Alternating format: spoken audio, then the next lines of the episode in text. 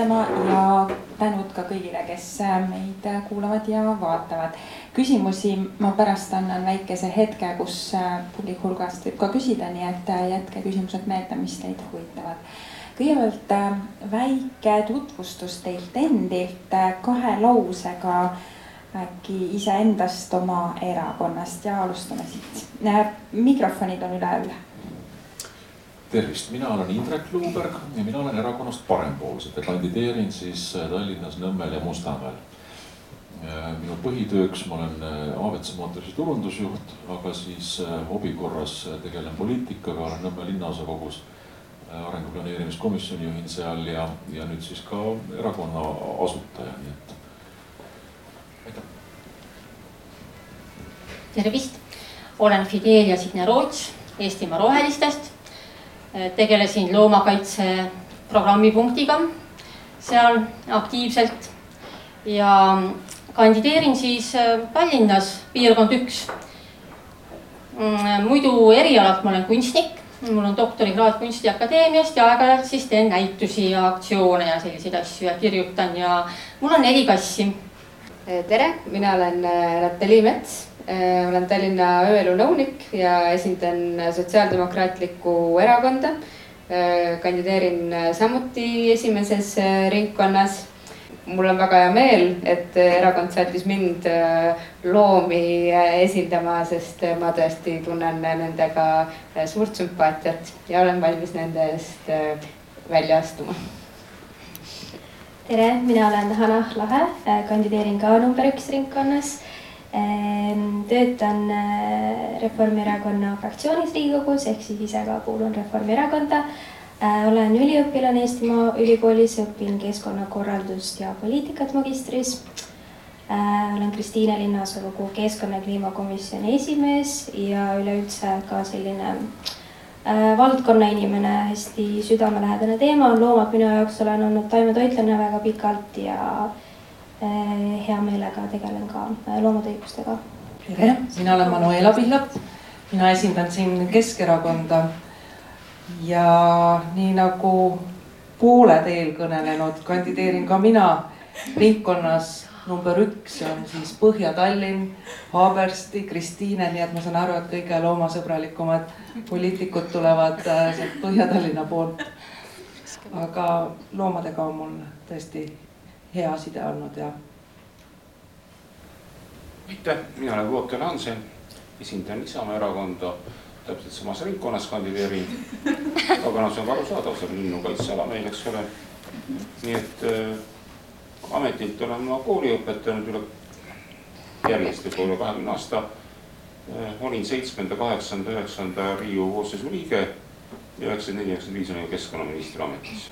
aitäh kõigepealt äh, esimeseks teemaks mõtlesin võtta selle viienda küsimuse, mis selles valimiskompassis on.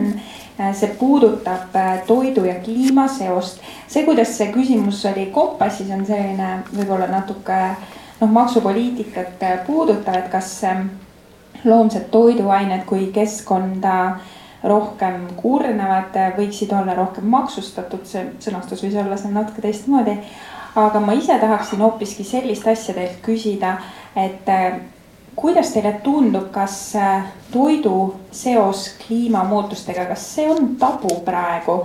Äh, kas sellest te erakonnas siseselt olete rääkinud ja kas seda teemat tegelikult on mugav puudutada? sest kui me oleme ise uurinud erinevaid tegevuskavasid ja plaane, mida riiklikul tasandil tehakse siis kui räägitakse keskkonnast ja kliimakriisist, siis tegelikult toitu ja eriti siis loomset toitu seal ei puudutata. ja äh, võtaks äh, järjest, äh, lihtsalt siis ei ole segane, võib-olla alustame siitsamast parempoolsetest mm,. aitäh ähm,. no ähm, kliima ja, ja, ja keskkonna seos toidul ei ole ju mitte ainult nagu loomse toiduga, et kui me noh vaatame siin, ma ei tea, avokaadot, eks ole, mille pärast võetakse ka metsi maha ja, ja, ja laristatakse hästi palju vett, et see.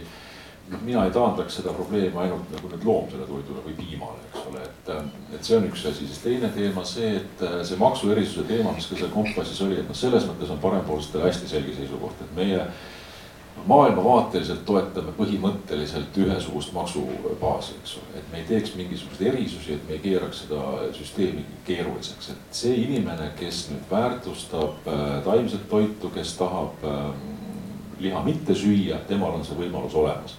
et me ei peaks nüüd äh, inimeste toidulauda noh, kas siis üksluisemaks muutma või, või tegema mingisuguseid, äh, kuidagi seadusega reguleerima seda, mida inimesed peavad sööma, et, et kui keegi soovib liha süüa, siis äh, ma arvan, et see on täna veel ikkagi nagu inimõigus. Mm. -hmm. aitäh, Fidelia, rohelised rääkides inimõigustest, aga loomad tahavad ju ka elada, et kus on siis nende õigused, me just enne siin rääkisime, et loom on elus olend ja ta on väärtuslik just sellena, kes ta on ja just sellepärast, et ta on elus mitte inimese jaoks, ta ei anna meile midagi puht heast tahtest, et me lihtsalt võtame tema vilja, liha ja mune ja piima. ja, ja üldiselt ja rohelised on rääkinud sellest teemast küll ja, aga see on ebamugav teema Mm, inimesed väga noh, ega neile inimestele ei meeldi väga, kui neile öelda, et mida, et ei tohi liha või piima süüa või et see on ebaeetiline ja sellepärast, et inimesed hakkavad ennast halvasti siis tundma ja tekib süütunne ja siis tekib depressioon ja. ja nii edasi ja nii edasi, ühesõnaga ma ise mõtisklesin ka selle üle, et noh, teada ju on, et süsiniku jalajälg on loomse toidu tootmisel suurem Ehm, liha tootmine, piima tootmine. Ehm, seal see jalajälg isegi nagu on suurem kui kõik sõiduvahendid maailmas kokku, et kõik eh, laevad, lennukid, autod, bussid on ju. et see on päris karm ja lisaks ju nafta ja, ja sellised asjad, maavarad ja et me hingame seda, tegelikult see kõik on õhus, me hingame sisse seda, see süsinikuringlus. et äh, kui seda oleks palju vähem, siis see ring läks ilusti, aga kuna seda süsinikku on niivõrd palju lihtsalt, siis õhk on saastatud ja atmosfäär on saastatud ja et peaks midagi välja mõtlema, kas siis mingid eh, tehislihad näiteks, no neid algatusi on praegu ju palju. kasvõi mingid sellised äh, algatused, kus äh, lihasarnaseid tooteid tehakse näiteks neile, kellel on raske nagu lihast loobuda. et midagi sellist nagu, mis siis keskkonda rohkem säästaks aitäh, jah, sotsiaaldemokraadid ja äh, küsimus oli, et kas see on keeruline teema või kas sellest on keeruline rääkida, et äh, jah, kindlasti on sellest väga keeruline rääkida. kohati on see ka nagu koomiline, et kuidagi, kui tuua välja, et äh, noh, ma ei tea, on siin see mingi väljend, mida ammu pole kuulnud, aga et et liha tekitab viha ja siis äh, kuidas nagu see reaktsioon on hästi vihane, aga see väide on, et ei tekita ju. et noh, see on lihtsalt nagu sihuke, kuulub nagu äh, huumori kategooriasse. see on väga keeruline teema. noh, ma ei näe, et, et mingisugune nagu väga radikaalne täielik muutus selles valdkonnas äh, saaks juhtuda, ilma et selleks ei oleks nagu mingit noh, ma ei tea kliimakatastroofi või midagi, mis lihtsalt äh, sunniks nagu seda sammu tegema. aga äh, on võimalik äh, seda teemat äh, nügida ja seda tuleks rohkem teha et äh, tegelikult ka nagu Tallinna linnas töötava inimesena mul oleks väga hea meel, kui Tallinna avalikel sündmustel äh, serveeritaks kas ainult äh, taimset toitu või siis vähemalt äh, pooleks taimset äh, toitu ja mida iganes muud on vaja serveerida. samamoodi üldharidusasutustes, et taimne toit oleks äh, Äh, kättesaadav neile, kes seda tahavad või isegi vajavad, et noh, tegelikult on ju ka inimesi, kellel on äh, seoses näiteks piimatoodetega äh, terviseprobleemid ja neid taimseid alternatiive, mis on tegelikult nagu pärast proovimist ka nagu üllatavalt meeldivad ja head, et neid on ju palju, et lihtsalt võib-olla ma nagu inimestele soovitaks rohkem lihtsalt avatud meelt ja, ja nagu sellist äh, Äh, ma ei tea, seiklushimu selles valdkonnas, et, et isegi kui nagu see esimene mõte on minna selle liha või kala juurde ja seal kõrval on see mingi tofukäntsakas, et noh, ega see nüüd väga palju halba sulle ei saa rohkem teha, kui sa lihtsalt korra proovid ja äkki hakkab meeldima ka. Absoluutselt. Äh, on keeruline teema minu arvates ühiskonnas, ma arvan, et mitte igas ühiskonnas, ma arvan, et Eesti inimene on keskmisest lihalembesem minu arvates. Äh, ma olen varsti olnud viisteist aastat taimetoitlane ja noh, ma olen praegu kakskümmend kolm, võite arvata, et ma olin suht noor, kui ma sellega siis alustasin nii-öelda äh, ja selle aja jooksul ma olen näinud nagu seda arengut väga palju, aga see on siiani raske. Minu jaoks, kes ma väga tahan tegeleda keskkonna ja kliimapoliitikaga. See on täiesti arusaamatu, et miks me jätame loomatööstuse sellest kogu kliimapoliitika muutuste teemast nagu üldse välja, et ma ei näe ka täna, et põllumajanduspoliitika väga eh, toetaks selles mõttes kliimaeesmärke, et me pidevalt toodame liha, toodame piima ja kõike seda ja ma parempoolsetele natukene eh, tahaks mitte oponeerida, vaid lihtsalt eh, südamele panna, et me ei saa nagu tuua võrdlusse liha ja avokaadot, et see ei ole absoluutselt sama asi. lihatööstus on ja piimatööstus ka üks kõige saastavamaid asju siin planeedil üldse.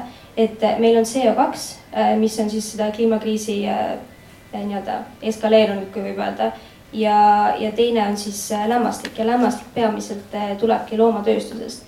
et väga lihtne seos ja, ja teine asi, mis minu arvates on ka suht arusaamatu, on see, et me nagu tervishoiupoliitikas ei pööra sellele absoluutselt tähelepanu, et tegelikult kõik valdkonnad on nagu sellega seotud mingil määral.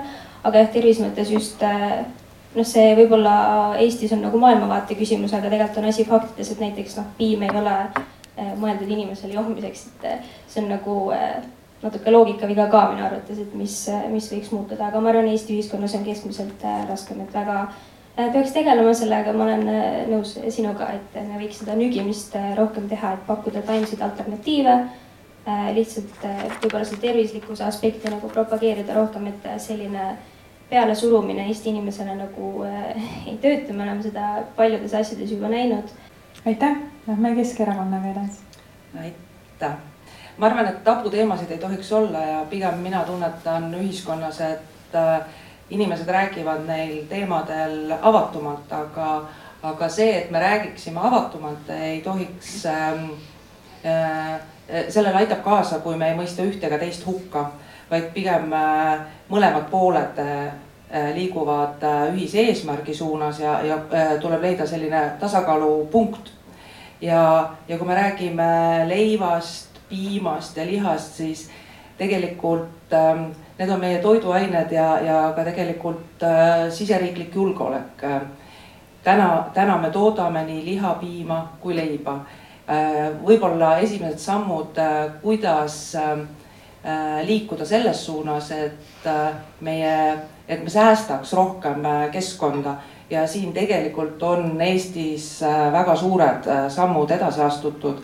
kui me vaatame, räägime äh, piimatööstustest Eestis, siis äh, see sõnnik, mida toodetakse, siis täna on juba, läheb see ümbertöötlusele ehk meil on väga mitmed biometaani tehased, kus me tegelikult kasutame sellesama läga ju kütuseks ära, mis on samm edasi parema keskkonna nimel, et, et see metaan ei lähe niimoodi keskkonda. kui me vaatame meie piimatoodangut, siis ühe lehma kohta tood-, üks leht toodab väga palju rohkem, kui ta aasta kümme, kakskümmend tagasi tootis, mis on ka, mis jätab meile ka väiksema jalajälje, see on saavutatud meie tootjate suurtest investeeringutest. see, milline on selle karja heaolu, sellest sõltub tegelikult, kui palju üks leht piima annab. et need, need on juba sammud edasi, aga loomulikult see teadlikkus, et milline on toidus taimse toidu osakaal. See on ka nende disku-, diskussioonide tulemusel me, me jõuame selle teadlikkuseni, nii et ma arvan, et palju on minna, aga, aga midagi on ka tehtud juba. aitäh ja nüüd Isamaa esindajad. aitäh, sissejuhatuses mina küll pole nendel teemadel ebamugavust tundnud. minu arvates ei ole loomakasvatuses traditsiooniliselt on looma, loomse toiduainete tarvitamine olnud hooajaline. kui me läheme tagasi, mitte igapäevane läbi aasta. teine, noh lihtsalt noorloomad, keda karja järjepidevust polnud vaja, need sügisel tapeti. keegi ei raisanud sööta liiga palju selleks lisasloomade peale. teiseks võtame nüüd ka selle näite, et keskkonnajälg, loomulikult loomakasvatusel on, taimekasvatus on täpselt sama vägev. kõige rohkem ökosüsteeme muutnud on taimekasvatus hävitanud olemasolevad ökosüsteemid ära ja põllud. riisikasvatus on väga suur metaanitootja. väga palju annab süsihappegaasi, et huumuse kadu, kui põllu harimisel midagi viltu läheb. meie madalsood andsime, ma mäletan omaaegseid rehkendusi, mis kuivendati kakskümmend tonni süsihappegaasi aastas. mis tulenes siis turba ja huumuse lagunemisest. kui palju energiat võtab väetisetööstis, aga me peame põllus taastama toitainete sisalduse, mis saagiga ära viiakse. et ka taimekasvatus on väga tugeva keskkonnamõjuga. ja kokkuvõttes minu arvates tähtsam probleem on tegelikult see, et me teame, et ökosüsteemi põhjal igal järgmisel toitumise ahelal on sellest biomassist, mis kulub eriti püsisoojastel loomadel, ainult kümme protsenti läheb nende kehamassiks, sellest toidust, mis nad kulutavad. enamus energiat kulub ju oma kehatemperatuuri hoidmiseks, elu hoidmiseks, mitte selle piima või liha tootmiseks või munade tootmiseks. siin on pigem see küsimus, et kas me, see noh, on tasakaalus meil. kui meil praegu väga suured kogused noh, taimsed toiduained lähevad loomade nuumamiseks, et saada rohkem liha, piima, mune, eks ole. selle üle võiks arutleda ja lõpuks tahaks öelda, et inimene ei tee mitte midagi muud kui kõik teised elusolendid. me laiendame ökonissi, aga milles on meie vahe? ei kobras, kui ta paisutab selle paisu ülesse, eks ole, tekitab veekogu taha, ta hävitab kümnete liikide elu ja kasvukohad ja muidugi loob teistel uued. nagu meie põllul tegime. ei rukki, lille, karikakar ei kasvaks meil nii hästi siin, kui me poleks need põld üles harinud. inimene teeb täpselt sama, aga erinevalt koprast, et saab kogu oma energia sellest toidust, mis ta sööb sai inimene võtta kehavälise energia kasutusele. aga nagu me teame, energia töö, töövõime muuta olemasolevat, mitte. aitäh, jah. ma lihtsalt ühe kiire repliigiga just vastata Hannale, et, et see avokaado ja see näide, eks ole, et see noh, mõte on selles, eks ole, et kas me sööme midagi, mis on tehtud kuskil kaugel ja mille transpordiks siia kulub äh, samamoodi energiat ja kõike muud, eks ole, või me võt, ostame siit kuskilt äh, talust äh, vabalt jooksnud kanade munad ja sööme neid, et, et noh, see, mis ma sulle näiteks tõin jah, Hanna. ja ma äh, küsiks eh, kohe vastu, et äh, oskate öelda, kui paljud inimesed söövad Eestis liha ja kui paljud söövad avokaadot? see ei ole üldse nagu võrdlemine, et selles mõttes ma olen nõus, et kõik eksootilised viljad on suure jalajäljega, kui need siia meile, eks ju, importida. aga see ei ole võrreldav sellega, mis siin loomatööstuses toimub ja, ja siin minu arust parempoolsetele äh, et debateerijatele ka lihtsalt jälle südamele pannes, et loomatööstus on see kõige suurem saaste, et me ei saa rääkida toiduainetööstusest lihtsalt niisama. et äh, piimal ja liha tootmisel, noh, see, see jalajälg on tohutult suur lihtsalt, tohutult suur. korra lisan, et äh, me ei öelnudki, et see seda ei ole, äh, kuid me ütlesime, et siin on suurte sammudega edasi liigutud ja tänane tootmismudel on palju keskkonnasõbralikum, kui ta oli kümme-viisteist aastat tagasi, nii et, et see, kuidas me äh, püüame millestki luua midagi uut, äh, et see oleks, hoiaks rohkem keskkonda, selles suunas me oleme täna liikunud. No ma tahaks selles mõttes Hannahit toetada, et see avokaado näide on nagu selline hea fakt mida kuidagi välja äh, visata ja tuua nagu võrdluseks, aga selles suhtes see ei päde, et näiteks mina isiklikult olen nagu pikemat perioodi äh, olnud mitte avokaadosööja kui mitte lihasööja. just nimelt sel põhjusel, et see on keskkonnale äh, kahjulik ja ma arvan, et praeguses olukorras, kui me räägime sellest, äh, kuidas nagu äh, noh, täiesti müstilistel kiirustel toidukorvi hinnad tõusevad, siis eh, noh, see avokaado näide muutub nagu järjest ebarelevantsemaks, sellepärast et inimesed mõtlevad, kuidas nad saavad oma nagu esmased eh, kaubad ja tarbed eh, kaetud ja avokaado ei kuulu nende hulka. et, et jah, et nagu mingis kontekstis tõesti muidugi avokaado ja teiste eksootiliste viljade tootmine on suure jalajäljega, aga selles, selles vestluses praegu, kus me räägime näiteks toitumisharjumustest Eestis, siis see on pigem ebarelevantne näide. jaa. ma tahaks selle repliigi teha. Hannah oli enne. Hannah oli, jah. mul ei ole erilist usku seaduste toimesse, aga teiesugused ühingud on väga osavad ja väga võimsad olnud avaliku arvamuse muutmisel, ma arvan, et see on teie tee. aitäh, Hannah. ja ma toetan eelkõnelejaid kindlasti, aga ähm, Manuelale ma lihtsalt, ma tahaks vastata seda, mis mind tohutult häirima jäi, on see, et kui me räägime keskkonnamõjust ja me räägime loomade heaolust ja siis öelda, et me oleme viimastel eh, nii-öelda kümnenditel saanud lehmad tootma rohkem piima, see ei ole mitte üheski aspektis okei okay. Ja ei mõju ei keskkonnale ega loomadele hästi ja see ei peaks olema meie prioriteet, et me suudame loomad panna tootma järjest rohkem ja rohkem midagi, mis no esiteks pole üldse meile mõeldud, aga teiseks on keskkonnale äärmiselt äh, koormav ja kahjulik. ja nendele loomadele samamoodi. ja ma, loomadele, et me räägime loomade õigusest siin. ma teen ühe vahepealse repliigi ja et et see on ähm, hästi huvitav sellistes vestlustes, et kui me räägime keskkonnast, siis tihtipeale me räägimegi justkui enda jalajäljest ja võtame loomad sealt välja selles mõttes, et me tahame siis ka loomi optimeerida umbes samamoodi nagu me tahame optimeerida oma arvutit või, või ma ei tea, tavalise lambi asemele tuua need LED-lambid on ju. et ähm, noh, loomuses ja, ja üldse siis, kui me räägime loomade õigustest või loomade heaolust, siis ilmselt tuleb need selles mõttes nagu lahku äkki lüüa et, ähm, et loomade optimeerimine ei ole justkui nagu eesmärk, vaid et ähm, eesmärk äkki on see, et neid oleks võimalikult äh, vähem ja võimalikult ähm, noh, see suund oleks siis see, et äh, me kasutaksime võimalikult vähem ära neid, äh, kes võib-olla ei taha, et neid ära kasutatakse. nii, aga Jaak, palun. Täpselt nõustun sellega ja, ja korra räägingi sellest, et see loom, kellel on hea olla ehk kellele, kellel on võimalikult head elutingimused. see tähendab vaba pidamine Äh, see tähendab ruumi, see tähendab kvaliteetset toitu. Äh, see loom annabki rohkem toodangut ehk äh, lihtsalt öeldes lehm, kellel on halb olla, keda hoitakse väga halbades tingimustes, selle piimatoodang on madalam kui sellel lehmal, kui ta, kui ta on terve, kui ta saab kvaliteetset toitu, kui ta elutingimused, teda lastakse õue, et sellest ma räägin. aitäh ja Hanna Äh, sa tõstsid käe vahele. ja äh, loomatööstus kui selline ei ole loomaõigustega mitte kuidagi äh, kooskõlas, lihtsalt et lehmal on hea olla siis, kui ta on tõesti kuskil rohumaal, kalpsab ringi, aga see, mis, mis me praegu, millest me räägime, on see, et Eestis tegelikult enamus kõik see toodang, mida me sööme igapäevaselt, see on ju tööstuslik, et loomadel ei ole seal mitte kuidagi hea olla et ma täpselt nagu ei, ei saa sellest jutu mõttest aru, et loom ei ole nagu toode selles mõttes.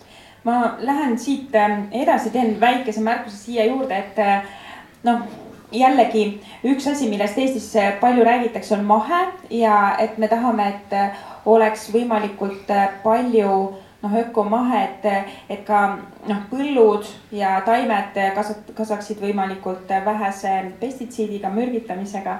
ja seetõttu noh, me oleme ise ka isekeskis ähm, loomuses ja, ja muidu sõpradega rääkinud, et on need mõned maheveised, keda siis hästi paljud äh, söövad. Äh, siis ähm, natuke uurisime numbreid ja statistikat ei ole veel päris lõpuni jõudnud sellega, sest äh, neid numbreid on üpris keeruline saada Äh, minu küsimus, mille ma esitasin, oli see, et okei okay,, ma tahaks teada, kui palju Eestis süüakse siis maheliha. et kui on noh, reaalselt minu peale ükskord karjus üks inimene, kes ütles, et ma ei ole looduskaitsja, kui ma ei ole nõus sööma liha. sellepärast, et on osa loomi, kes hooldavad näiteks rannaniitusid ja noh, erinevaid pärandkooslusi noh, ma ei ole sellega selles mõttes nõus, et, et loomad saavad ju pärandkooslusi noh, nii ja naa hooldada, ma ei pea neid ära sööma, noh, see võib olla inimese isiklik valik. jätkuvalt arvan, aga, aga lihtsalt see pani mu mõtlema, et tõesti poodides on neid ilmselt, kes on need pärandkoosluste hooldajad. Ja kui siis, aga samas on see intensiivtööstus, ma arvan, Hannas, sa räägid intensiivtööstusest ja nendest intensiivfarmidest ja, ja võib-olla Manuelas, sa räägid äkki siis nendest äh, maheloomadest ja, ja seni, kuni me räägime nagu sellest kõigest niiviisi, et me noh, täpselt neid mõisteid ei, ei nimeta, läheb see asi natukene sassi ja me tegelikult äh, ei jõua edasi.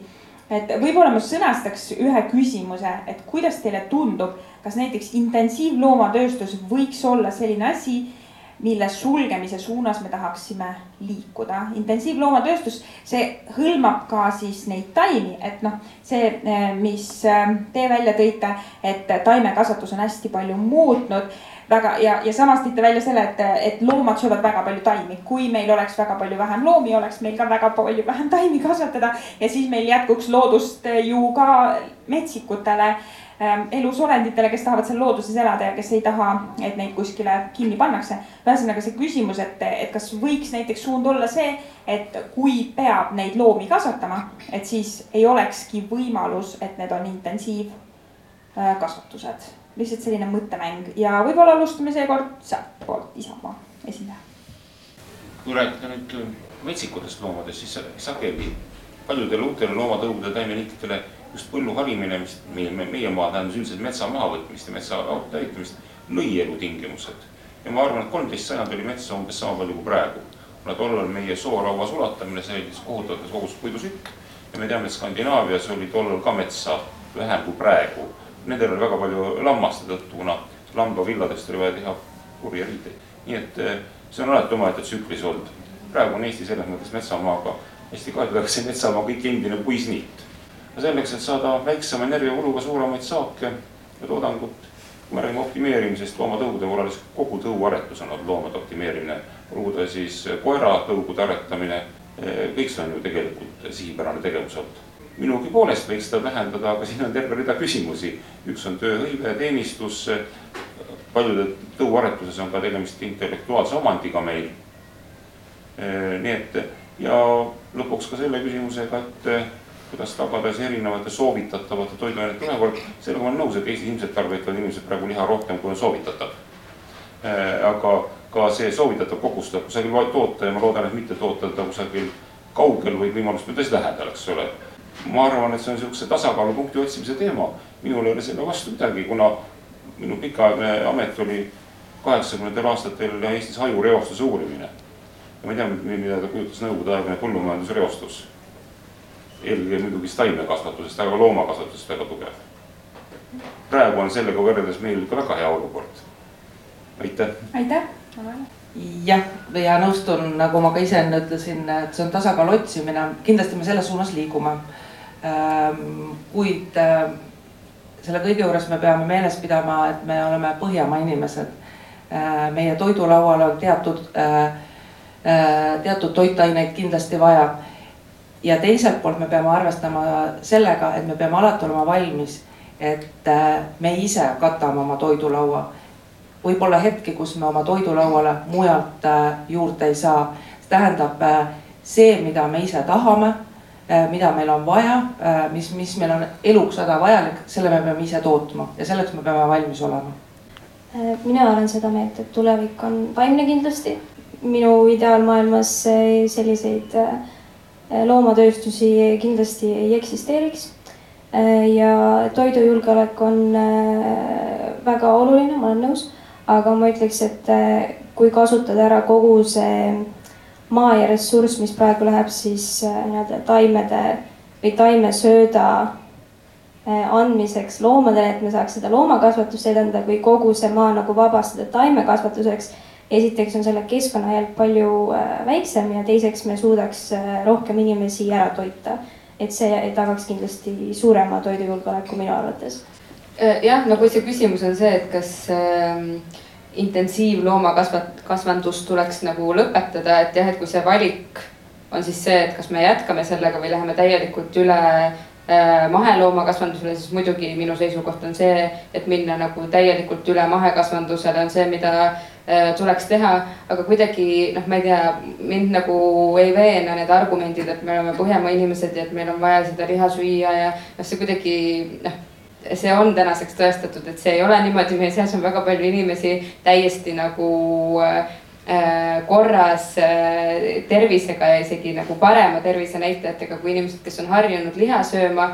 et äh,, et see on natuke nagu sihuke kuidagi ei ole nagu süvenemist äh, sellises äh, lähenemises tegelikult nagu sellele teemale. Ja jällegi, kui me räägime täna loomade õigusest või õigustest, siis äh, ei saa ju siin üldse mingit küsimust olla, et jah, et, et, et me ei, ei peaks nagu kedagi kasvatama, tootma ja paljundama enda eh, puhtalt ainult nagu enda, kas siis meelelahutuse või, või lihtsalt eh, heaolu nagu eesmärgil. ja rohelised on ähm, ka mahepõllu, põllumajanduse poolt. ja noh, siin ongi kaks teemat, üks on see loomaõigused ja teine on siis laiem see keskkonnateema, et mõtiskledes nüüd, et äh, kaotame intensiivtööstuse ja jätame ainult mahetööstuse loomade osas, lehmad näiteks, kanad, et äh, tegelikult see mahepidamine on väga palju kordi kallim ikkagi ja lõpuks need loomad ikkagi ju lõpetavad äh, tapamajas, sest kuhu nad muidu kõik panna, see ei ole ju loogiline. et pigem siis üldse ikkagi ma arvan, et aja jooksul loodan ma, et kaob loomatööstus üldse ära, arvestades loomaõigusi ja tehnoloogia võtab üle asja, et hakkame tehnoloogiliselt tootma lihtsalt selliseid toiduaineid Äh, mis näiteks sarnanevad lihale, ütleme noh, kanale või, või ma ei tea, mis iganes on ju, piimale, munale. et äh, kui seda on nii paljude inimeste arvates vaja ja nad tunnevad, et nad peavad lihtsalt nui neljaks sealiha sööma, et siis saab seda kindlasti tehnoloogiliselt toota, juba praegu on olemas äh, väga paljud startup'id. Aitäh, parem poolsõita ja ei, selles mõttes tehnoloogilise arengu vastu ei ole midagi, et äh, loomulikult tuleb seda arendada. nüüd, mis puudutab seda intensiivtööstust, siis äh, jah, loomulikult on, äh, eelistame me alati mahetööstuse intensiivsele, eks ole, aga me ei tahaks seda nagu maailmavaateliselt nüüd kuidagi hakata piirama, et nüüd keelame loomakasvatuse ära ja, ja kõik söögu, söögu rohelist, et äh, see peaks tulema ikkagi kuidagi inimesel enda valikutest, et, ähm, et sa teadlikult ostad poest ikkagi selle liha, mis, kus sa tead, et loom on hästi elanud ja, ja värsket rohtu söönud, et äh, hakkame sealt peale, eks ju. Ja mingitel inimestel puhul ei olegi just täpselt nagu sa siin kõrval ütlesid, äh, rahaliselt seda võimalust seda, seda valikut teha, eks ju. Aitäh! Ja mul ähm, siia peale üks väike repliik, enne kui edasi lähme, et hästi palju me kuuleme seda, et peaks tõstma teadlikkust ja see valik peaks tulema inimese seest ja me ei tohiks justkui midagi noh, ma ei tea, sundida inimestele peale ja, ja ometi me teame, et kui elurikkus meie ümber kaob ära või noh, me ise kaotame ära oma tegevusega, siis põhimõtteliselt ka me jääme oma eluvõimalusest ilma. ja, ja ometi me justkui teeme seda praegu, uuringud ütlevad, teadlased põhimõtteliselt röögivad oma võimekuse ja võimete piires ja selles valguses äh, ma hakkasin mõtlema, et tegelikult äh, no selline roheline maailmavaade tõepoolest võiks nagu igas erakonnas ju olla ja, ja iga erakond võiks siis nagu muudest teemades võib-olla siis erineda või, sest kuidas me muidu oma elu siin jätkame. ja, ja seetõttu ongi mu küsimus nüüd äh, inspireeritud äh, teie viimasest kommentaarist, et kuidas teile tundub, et kas siis peaks maksupoliitikaga kui üldse erinevate poliitiliste otsustega tegema niimoodi, et inimesed ikkagi hakkaksid tegema neid valikuid Äh, mis teevad üldse võimalikuks selle, et see elu meil siin maal jätkuks, sest keskkonna ja üldse looduskaitse ju on tegelikult nagu inimese enda elu kaitse praegu. või et, või et peaks siis lihtsalt ootama või kas see ei riiva nagu teiste õigusi nagu, et nad ju kaotavad võimaluse elada, kui, kui me laseme lihtsalt teistel nagu noh, tööstusi arendada vastavalt nii, nagu nad tahavad, kui me nagu piire ei pane poliitikas, et, et võib-olla alustame nüüd keskelt, Natal. no see sai ju tegelikult minu arust äkki siin alguses ka juba nagu ära mainitud, võib-olla mitte. et, et näiteks selles valimiskompassis ma küll vastasin jaatavalt sellele nagu maksuerisuse äh, küsimusele aga ma tahaks seda täiendada äh, selles osas, et, et selle asemel, et, et võib-olla makse tõsta selles olukorras, kus äh, inimestel on väga keeruline, läheb aina keerulisemaks. et, et pigem siis võib-olla nagu muuta kättesaadavamaks mingid tooted ja tooterühmad, mis on ka nagu jätkusuutlikkuse perspektiivist eelistuta, e-, eelistatud. ja noh, mulle tundub, et siin võib olla ja me tegelikult näeme seda ju avalikus diskussioonis ka, et palju on nii-öelda nagu usu küsimus. et kas me siis ikkagi nagu äh, usume seda, et äh, väljas on juba veebruar ja tegelikult lund on väga vähe olnud või me ei usu oma silmi et, äh, et ikkagi nagu äh, toome seda väidet, et alati nii on, on olnud ja kuidagi nagu neid Äh, rekordtemperatuuri tõuse nagu ka ei, ei taha näha, et minu arust me peame nagu siis ühiskonnana nüüd nagu koos ära otsustama, noh, kõik ühiselt koos, et jah, tõesti nüüd ongi nii, on ju, et kliimakriis on käes ja me peame tegema ühiselt need otsused, et, et kuidas me sellesse võimalikult vähe panustame, ehk siis kliimakriisi nagu jätkamisse võimalikult vähe panustame ja, ja kuidas me hoiame Äh, enda sealhulgas, aga maailma jätkusuutlikkust mm. -hmm. aitäh, võib-olla siis Isamaa esindaja. aitäh, tõepoolest seadustega võib muuta palju asju, midagi toetada, midagi maksustada, mõne asja ära keelata. toon mõned näited on päris head, kuuskümmend üks aastat tagasi ilmus Kärsoni raamat Hääletu kevad. No TTT on keelatud, kui märgati, et ta ei lagune keskkonnas, vaid akumuleerub. soovitati ju kodus ja toas igal pool kasutada omal ajal. aga mul on natuke mure, ma arvan, et me lahendame tänase päeva probleemid. aga lahendame selle hinnaga, et me loome homse, homse päeva probleemid. mul on nii meeles, kui mina olin ütleme, et põhi, tollal kaheksaklassilise kooli esimese poole õpilane, ma tundsin keskkonnaküsimuste sügavat huvi ja paljudes ajalehedes ja nendes leidsime vastuse plastmass ja kilekotid päästavad keskkonna. Nad vähendavad oluliselt ressursikulu, metsade raiumist, metallimaakide kaevandamist. veel enam, nad võimaldavad puuvillast ja linast, võib-olla isegi villast hakata loobuma. Nanhain on ja Lausanne ja muud sünteetilised kiud. me teame, et kiudainete kasvatamine on üks suuremaid põllumuldade kurnajaid. ja siis meile öeldi, et väga lihtne, need lahendavad paberkott oli tüüpiline näide halvast keskkonnakasutusest, kuna paberkotti kasutatakse üks kord, aga sellest on mets maha raiutud ju. Seega me nägime, et tollal lahendati ühtesi probleeme ja tekitati uued. meie oma tegevusega tekitame niikuinii uued probleemid. tegeleme siis tänastega ja jätame homsed, need veidikene visandades järgmise põlvkonna kaela. ma arvan, et me saame hakkama. aitäh, Manuela.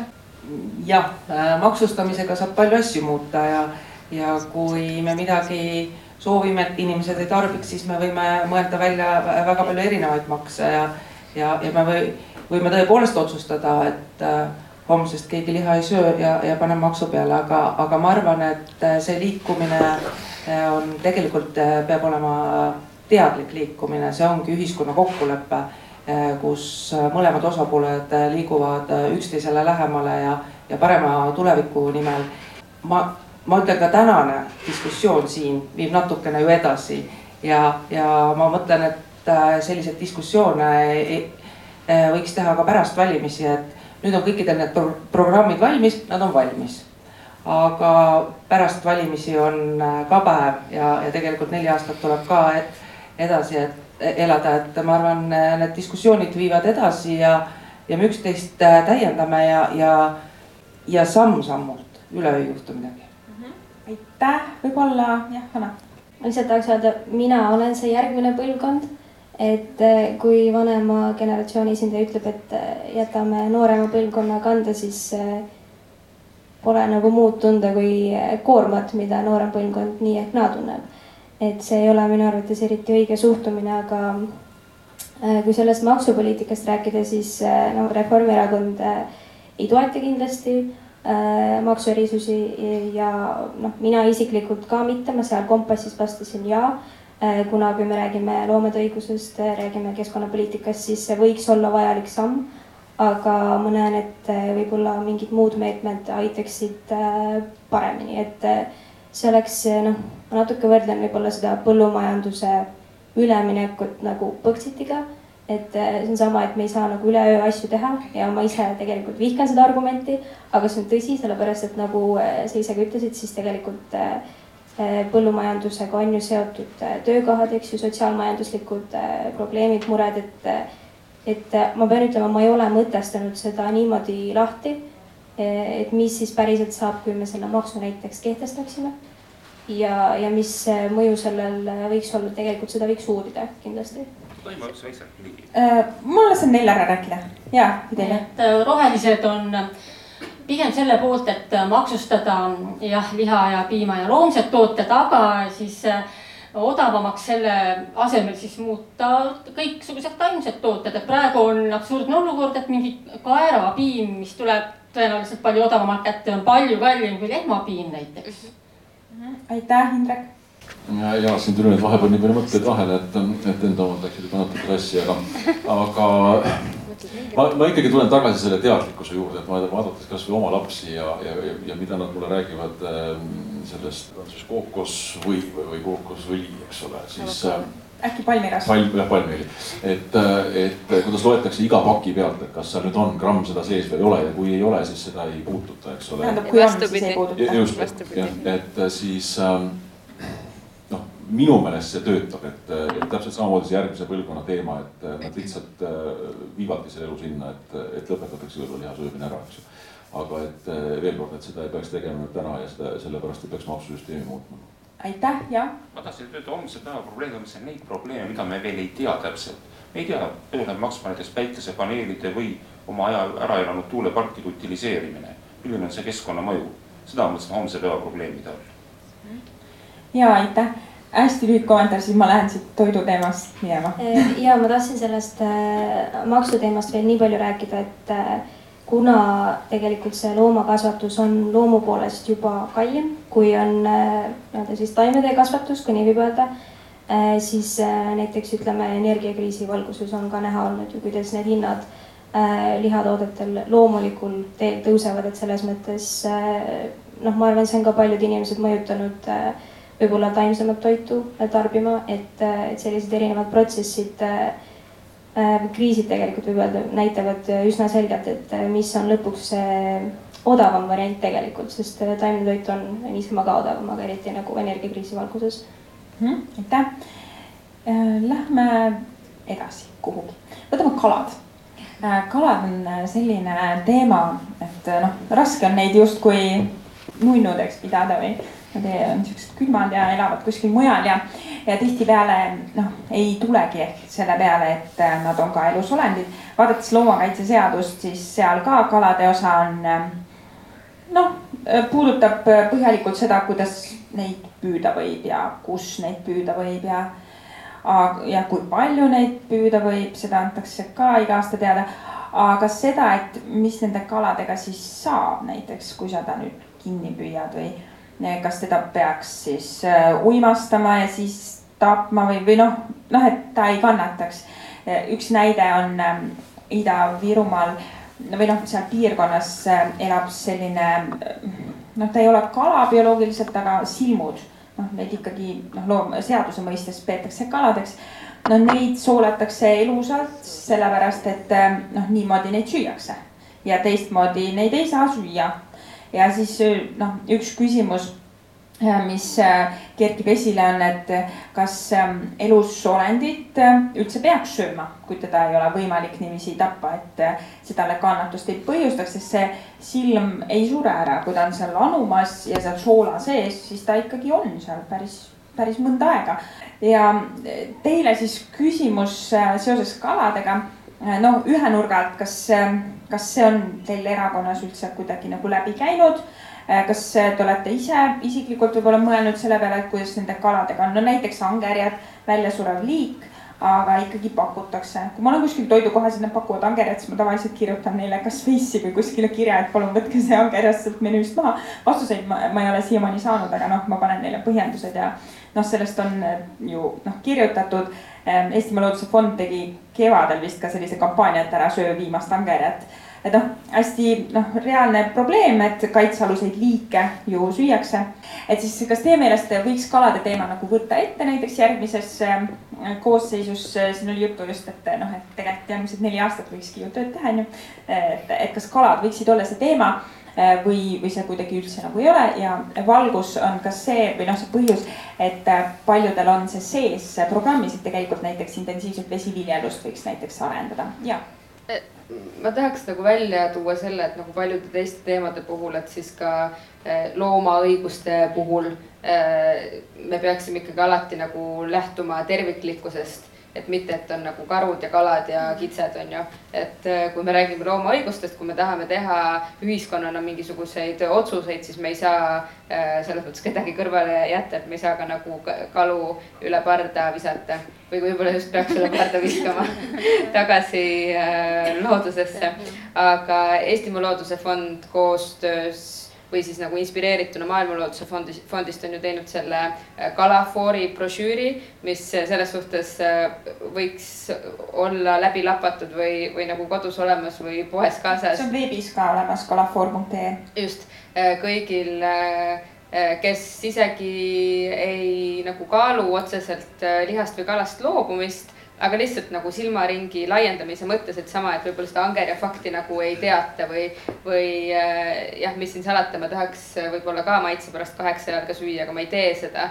et, äh, et äh, kui nüüd nagu niimoodi isiklikust ma ei tea, mõjust rääkida, et siis ma arvan, et see, et see kalafoor on tegelikult nagu väga-väga hea tööriist, mida kõik võiksid kasutada ja siis nagu ma ka alguses ütlesin, et, et üldiselt nagu seda teemat tuleb terviklikult läheneda, et see ei ole nii, et, et ma olen taimetoitlane, aga kala vahel söön. noh, et kui sa oled taimetoitlane, siis sa oled taimetoitlane ja kui sa, kui sa sööd vahel kala, siis sa ei ole äh,. hästi väike kommentaar, kalafoor on siis niimoodi, et noh, seal paned sisse selle kalaliigi, keda sa tahad osta poest tavaliselt ja siis ta näitab sulle ära nagu valgusfoori süsteemiga, punane, roheline, kollane seal vahel ja kirjeldab ära siis, kuidas ja kus ta peaks olema elanud ja kuidas püütud, et, et teda oleks kuidagimoodi okei okay osta, aga see tõesti on ainult neile, kes siis ikkagi kala söövad. Eh, ma olen aru saanud, et näiteks Rimi on eh, oma valikust välja jätnud need kalad, kes on punases et noh, mingi selline mõju võiks sellistel tööriistadel olla, et kui me räägime samm-sammus liikumisest ja noh, ma kordan, loomuses me väga räägime sellest, et loomad ei ole inimestele ärakasutamiseks. aga kui me sinna liigume, et siis äh, selline tööriist, äh, ma ka igale poole kommenteerin, kus keegi kaladest räägib ja panen screenshot'e neist, aga äkki Indrek? no kui mingi liik, olgu ta siis kala või loom, on äh, väljasuremise ohus, siis on selge, et teda ei peaks püüdma, vaid teda peaks kaitsma et äh, see on see, mis puudutab angerjat, mul ei ole küll endal sellega kogemusi, sest ma neid ka ei söö.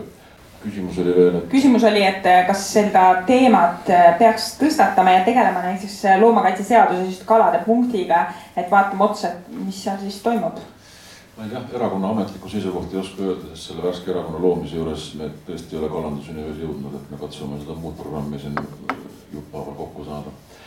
Endiselt täpselt nii, nagu me kaitseme metsaloomi, peaks me tegelema ka kaladega, et jah, nad on võrdsed loomad minu jaoks. Fidel, jah? teadlased on kindlaks juba ka teinud, et kalad tunnevad valu, et isegi hoolimata sellest, et meie nende häält ei kuule, et nad ikkagi häälitsevad ja tunnevad valu ja ja vaadates kalu, siis mul on küll väga kahju alati neid fotosid vaadata, kus keegi poseerib oma püütud kalaga kala seal mõnikord osoonis ka, kuigi ma olen suur osooni fänn, siis kalaosad on mul alati väga rasked vaadata, kus siis teadlased näiteks kasvõi püüavad kalu selleks, et uurida neid, et seal ka kala nagu ahmib seda õhku ja tal on paha olla. ja siis ma ootan, loen sekundeid, millal see kala nüüd vette lastakse. et enamasti noh, teadlased noh, selles mõttes, et osa, osa neist laseb vette ühesõnaga jah, see on selline teema, millega ei ole tegeletud ja just see vesiviljelus, me rohelistega oleme jah arutanud seda ka, et et kala on ju tundevõimeline loom ja võrdne teiste loomadega ja miks siis nüüd äkki vesiviljelus, mis peaks tähendama viljelus, et tegu on mingi viljaga justkui. no ei ole see kala vili. Äh, absoluutselt äh, peaks rohkem rääkima kaladest, minu arvates äh, kui me räägime loomadest, siis alati nagu võetaksegi äh, seda veeelustikku eraldi, millegipärast tegelikult eh, kõik see ökosüsteem on omavahel ju seotud. ja, ja kalade osakaal inimeste toidulaual on ka tegelikult üsna suur, et tal ei ole nii suur eh, jälg keskkonnale, kui on siis liha tootmisel. aga ülepüük ja need kalafarmid on tegelikult ikkagi väga suure mõjuga ja mm, ma arvan, et nendega seonduvad regulatsioonid üldse, kuidas see kõik töötab, neid võib-olla ei vaadata ka nii sellise pilguga üle nagu lihatööstus, mulle endale tundub vähemalt, et, et see oht, et me saame kaladest mingisuguse bakteri näiteks, see on tegelikult väga suur. ja jah, mõte läks praegu kaduma, aga, aga ah, vot, et Riigikogus jah, kindlasti järgmise nelja aasta jooksul mina absoluutselt näen, et see võiks olla teema, millega tegeleda, see on ka suhteliselt kuidas öelda siis ohutu. ma ei näe, et miks ükski erakond peaks selle vastu oponeerima Äh, ja, ja kindlasti üks äh, asi, mis võiks ära teha. aitäh, Manuela. jah, me oleme normaalsuse ja humaansuse poole liikumas küll ja, ja tegelikult just sellised näited, äh, mis olid angerjast ja ja, ja silmudest, kes siis on sõõrsuud. ma arvan, et nii nagu Natal ütles, et see on üks tervik. et kui kedagi koheldakse nii nagu te rääkisite, siis see käib kõigil, eh, ka loomade kohta. ja võib-olla nii üks selline näide, et ma arvan, et see teadlikkus on väike, et, et seda teadlikkust tuleb tõsta, et kui me iga suitsupaki peal näeme väga hirmsat pilti, mis võib juhtuda, kui sa suitsetad, siis tegelikult ega inimesed ei tea, kust see kala on tulnud ja, ja, ja mis temaga on enne tehtud, et äh, see on see portaal, millest te rääkisite, aga see võiks Kalafoor. jõuda ka laua peale. ja kalafoorist kusjuures silmusid ei ole, et äh, seda peab neile ütlema, ma mitmeid liike ei leia sealt tegelikult. jah, palun. ma arvan, et ka putukad on teema. kui me räägime isendi kohtlemisest, siis on tegelikult ka nende loomade mürgitamine, keda me tahame kusagilt mingil põhjusel eemaldada, keda me nimetame kahjuriteks, näiteks mõnikord rotid mõne koha peal, eks ole, ka see on teema, millest tuleb arutleda. Aga kui rääkida kaladest endast, me teame, et maailma kalavarud on juba nelikümmend aastat ülepüügis ja väga paljud populatsioonid on pealt alla surutud, kuna ületati see kriitiline piir, kus tema see taastumisvõimekus on suur vaatamata püügile, endiselt allapoole, niisugune tuntud logistiline kõver populatsiooni dünaamikas. mindi allapoole sellepärast, et me ei saanud tagasisidet, et kalapüük oli endiselt edukas ja majanduslikult tasuv. eriti pärast kahte maailmasõda, kui oli palju mootoreid ja sai teha suured, traalpüüki saab teha siis kolm võimsust. nii et teemad on, kalapüük on väga reguleeritud. enamasti lepingutega probleem on nüüd see, kas kõik seal, mis on väljapool territoriaalvett ja majandusvöönditest täidavad ka toiduohutuseeskonna ranged, aga me teame, et ütleme nelikümmend aastat ei ole püügimahud kasvanud. toodangu tarbimine on järsult kasvanud, kuna kolmandiku võrra, eriti Aasias. praegu me saame nii kalu, molluskeid, vetikaid, neid kõikvõimalikku vähilisi saame me kasvatustes. Just seesama termin vesiviljelus. ja vesiviljelus, peab ütlema, et intensiivne vesiviljelus on väga keskkonda reostav peale selle suur osa kalapüüki näiteks lõheforellikasvatuste kalasööt püütakse ju meres, see on teine kalaliik lihtsalt. odavam kalaliik, mis läheb nende toiduks. kõige selle juures need tuleb seal lisaks tihedalt neid vaktsineerida ja ma ei tea, mis probleemid seal kõik on veel. kuna nad ei tarvita kogu toitu ära, siis suurt toitainete sisalduse eutrofeerimise põhjustaja on ka intensiivne kalakasvatus. Seega keskkonna jälg on väga tugev seal ja seetõttu ma ei saagi aru, üks on Saksamaal, hea küll, hobi, see harrastus kalapüügis, sa kala uimastada tappa, enne kui välja püüad. ma ei kujuta ette, kuidas saksa traalid seda teevad. ja teine on nüüd see Norra, see, see Rimi kalafoorum, see, see, see valgusfoor, eks ole.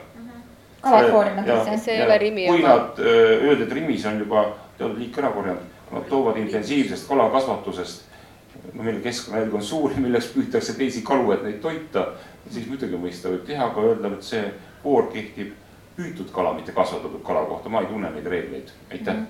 Ja aitäh, see kala, see vesiviljeluse teema on küll äh, selline selles mõttes huvitav, et kui öelda intensiivne vesiviljelus, siis justkui ei saa aru, millega tegu on, et see on selline mõistepesu nagu, et. et umbes, et sa ütled, et, et maaparandus tegelikult kuivendad ära, et tekitad nagu hästi palju noh, keskkonnaprobleeme. et, et jah, et, et kõigepealt võib-olla võiks hakata rääkima õigete sõnadega, öelda, mis siis päriselt toimub. aga see kalakasvanduste loomine Eestisse on, on praegu väga suur teema, et siis kui, kui te jõuate Riigikokku ja, ja üldse oma poliitilistes tegevustes tegelikult äh, oleks küll väga-väga hea, kui, kui sellega võetakse tegeleda, sest praegu on noh, võib-olla ei ole ilus nii öelda, aga rahalaevad ja mis just parasjagu nagu seda intensiivset vesiviljelust toetavad ja ja noh, see jällegi on teema, mida peab arutama, et, et kindlasti ei ole ju niimoodi, et midagi ei tohi või tohib aga, aga noh, kindlasti tuleb nendest teemadest rääkida. võtame teemaks jahi. see on selline noh, kirgi võib-olla kütab nii ja naa. ja loomusel on ka erinevad jahiteemad laual, üks on vibujaht ja sellest oli ka küsimus valimiskompassis, et, et kas vibujaht võiks olla kõikidele liikidele siis Eestis keelatud või mitte. et, et üldse mina küsiks hoopis sellist küsimust, kuidas teie suhtute kaitsealuste liikide jahti ja alustame Indrekust. ja see on, no selles mõttes on ka keeruline küsimus, et oskad nimetada mulle mingi liik või selles mõttes, et me noh ma, ma ei ole selles mõttes jahinduses nii spetsialist, et ma oskaks nüüd öelda, et mis, milline liik on kaitse all, keda jahitakse. ja, ja see, neid liike on näiteks laanepüü et on erinevad liigid, kes on kaitsealused, aga neid tohib teatud aladel jahtida, sest kui nad on jahiulukite nimekirjas. aga noh, me ise oleme aru saanud, et ilmselt on probleem selles, et see jahiulukite nimekiri on võib-olla uuendamata või noh, mis iganes probleemid seal on. aga jah, näiteks laanepüü. ja teda siis jahitakse selleks, et populatsiooni piirata või selleks, et lihtsalt jahtida? Mm, lihtsalt jahtida, no ikka tahaks jahtida. et noh, selles mõttes, selles mõttes, kui ta on nagu väljasuremise äärel, siis ilmselgelt ei peaks teda jahtima, et kui see oli nüüd küsimus. aitäh, hea Fidelia. ja ma muidugi nõustun, et äh, täiesti absurdne on kuulda, et jahitakse väljasuremise äärel olevaid liike. no ta on teine kaitsekategooria selles mõttes noh, aga, aga, aga, selles mõttes noh, see on selles, miks ma seda küsin, on see, et mul on iseenesest on rõõm näha sellist reaktsiooni, et mis mõttes kaitsealust liiki jahitakse. see ei ole tavaline reaktsioon. ma olen aru saanud sellest, et iseenesest mõistetavust ei saa olemas olla. et osa inimesi ütlebki niimoodi, et aga kui antakse jahiluba, siis järelikult võib jahtida. et, et sellepärast ma küsin seda sellepärast et ähm, noh, erinevad seadused, erinevad äh, noh, võimalused on ikkagi jahtida, aga jah, teine kaitsekategooria on hetkel ta. Nojah, et kui luba antakse, et siis äh, kohe padavai jahi et see on siis järelikult sihuke jaht kui hobi, et jaht kui sport, mingi jaht kui meelelahutus, et see ei ole siis see jaht, mis on ähm, noh, see vaata tellimus, riiklik tellimus on ka olemas ju, et äh, mingid arvud antakse jahimeestele ette, et te peate vot nii ja nii palju ulukeid äh, jahtima sel aastal, ütleme. Et äh, vot see, vot see võib-olla ei ole äkki hobi kõigile, ma tahaks nagu loota, et see, see on nagu rohkem nagu töö.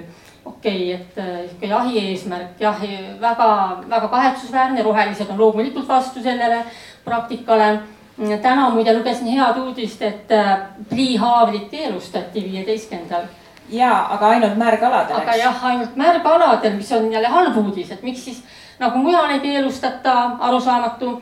Madis Leivits, loomaarst Maaülikoolis kogu aeg peab ravima neid vaeseid suuri kotkaid, kes siis on söönud äh, neid äh, loomi, kes on siis pliihaavlitega pihta saanud ja saanud sealt pliidoosi on ju, et äh, see on väga mürgine, mõned kotkad isegi surevad hoolimata ravist, nii et väga palju tööd on Mm, nende pliihaavlite tõttu ja väga palju piinarikkaid surmasid ka siis mm, metsaelanikel, et jah enne kui ma annan Natali sulle sõna, et siis kõigile üleskutse, palun ärge kasutage pliihaavleid, isegi kui te ei ole märgaladel, jah okei. Äh, kui, kas, mis see küsimus nüüd oli, et äh, kas? kaitsealused liigid olid jah hetkel. nojah, otse loomulikult kaitsealuseid liike ei tohiks äh, jahtida ja see, et miks äh, noh, ühesõnaga, kui kaitsealuseid liike on ikkagi võimalik jahtida, siis on süsteemis mingisugune viga ja see viga tuleb ära parandada ja nii nagu ükskõik mis muu teemaga, ma ei tea, kas me räägime pärast ilutulestikust või mitte, aga et, et kui me oleme selle sammu teinud, siis on oluline, et me eraldaks ressursse ka järelevalve tegemiseks. kaoks ära iga, igasugune illegaalne tegevus nagu selles valdkonnas samamoodi noh, mulle lihtsalt nagu sellest ja ma uskuge või mitte, ei ole jahinduse spetsialist. mulle lihtsalt sellest nagu äh, kirjeldusest jääb see mulje, et et on nagu mingi valdkond, mis on kuidagi nii nagu parempoolsetel on programmi tegemisel kalandus jäänud nagu tahaplaanile, siis, siis on jäänud nagu suuremas süsteemis võib-olla jahindus natukene äh, ajale jalgu ja noh, mingis mõttes see on okei okay,, on ju, aga lihtsalt, et, et me peame seda siis tunnistama, me peame siis äh, jalad kõhu alt välja võtma ja hakkama selle nimel äh, tegutsema, et me jõuaksime nagu kaasaegsete sammudeni. aitäh, Hanna. Äh, absoluutselt äh, kaitsealuste liikides siis jahtimine ei ole okei okay. ja vibujaht samamoodi ei ole okei okay. minu jaoks on väga üllatav, tähendab oli, kui ma seda kompassi täitsin ja seal oli see vibujahi küsimus, et ma ei saanud isegi nagu aru, et kas päriselt ka selline asi toimub. et, et minu jaoks noh, Natalja, sa rääkisid süsteemi vigadest, et minu arvates see on Äh, ikka täielik nagu, nagu hoolimatus olnud, ma ei tea, loomade või, või looduse üldse suhtes, et äh, kuidas me oleme nagu selle jahiseaduse jätnud sellisena, nagu ta on, seesama, et töösihikute teema, eks, et äh, noh, ma ise töötan Riigikogus, töötan ka maaelu ja keskkonnakomisjoniga ja, ja noh, see eelnõu vist tuli novembris ja siis tulid need muudatuseelnõud või ettepanekud. ühesõnaga see kuidagi tuli lihtsalt niimoodi natuke, et keegi väga ei pannud tähele ja siis eks ju, läheb läbi ja ma ütlen ausalt, ega ei olnud väga palju saadikuid, äh, kellele see teema või, või siis selle keelustamine oleks nagu olnud oluline. Et see kuidagi oli, et okei okay,, loomakaitsjad midagi ütlevad, aga noh, ma ei tea, et mis vahet seal on, et noh, üldse võib-olla see jahiseadus vajaks, vajaks ülevaatamist ja minu arvates on väga kurb, et seal on nii palju sellist halli ala, et seesama, kui öeldakse, et, et kui luba antakse, et miks mitte, et noh, arusaadav, aga ega see ei tähenda, et see on okei okay.. aitäh, Manuela no,. kaitsealuste liikide jahtimise kohta, no see, ma ei tea, kuidas sihuke küsimus isegi tuli, et kindel ei, aga öösihikud äh, jah, kuidagi valitsus lasi selle äh, Riigikokku, ma tean. keskkonnakomisjon lasi. ja, ja, ja Keskkonnaamet on ka kritiseerinud seda, sest tegemist on, seal on nii palju agasid, küsi-, küsimärke, mida pole analüüsitud. tegelikult see eelnõu ei tohiks kolmandal lugemisel toetust saada, aga kui me räägime vibudest, noh ütleme me, me räägime meelelahutusest. ja eile see, ma korra puudutan siis seda öösihikute teemat, eile oli see muudatusettepanekud, kaks tükki siis äh, hääletusel ja see oli huvitav hääletus, sellepärast et äh, kohal justkui selle protokolli järgi oli, kas oli seitsekümmend kuus ja hääletamata jättis nelikümmend kaks nüüd Keskerakonnast hääletas ainult üks inimene, äh, Anastasia, äh, kes hääletas vastu ja kõik teised jätsid hääletamata. tekib küsimus, kus te olete või mis toimub ja samamoodi Reformierakonnas oli väga mitmeid, kes lihtsalt, kuigi seal oli selline huvitav aspekt, et näiteks üks, ühe kohta me kindlalt teame, et ta on äh, seal protokollis kirjas, et ta oli olemas ja ei hääletanud. aga me võime vaadata videot, mis on tehtud samal ajal Elfi korraldatud paneeldiskussioon ja ta on seal. järelikult ta ei olnud Riigikogus, aga ta on plaani järgi, et ta oli Riigikogus ja noh, me saame ka aru sellest, et see eh, kohaloleku kontroll tehakse võib-olla neli või viis tundi enne, aga siis meil on probleem Riigikogu töös. et kuidas saab inimene olla kahes kohas korraga, ei saa, järelikult teda ei olnud seal ja järelikult tuleb vaadata üle, mis toimub seal Riigikogu töös, et see hall ala on väga hea sõna, sellepärast et kõik need, kes ei vali või noh, ei tee valikut, ongi halliga. ehk siis eile oli nelikümmend kaks, oli nelikümmend kaks, eh, kes eh, saadikud, kes ei teinud otsust, aga väidetavalt olid kohal. Eh, poolt hääletas kakskümmend kaks ja kakskümmend üks ja, ja vastu siis neliteist ja, ja siis niimoodi see öösihikud äh, sinna seadusse eelnõusse sisse said ja nüüd tuleb see kolmas lugemine. ehk siis tegelikult jah, seal kolmandal lugemisel on võimalik see mitte vastu võtta, aga siis tuleb see, kui ma õigesti aru saan, mitte vastu võtta kogu see äh, pakett, mis seal on. Äh, nii et siit üleskutse jah, kõigile saadikutele.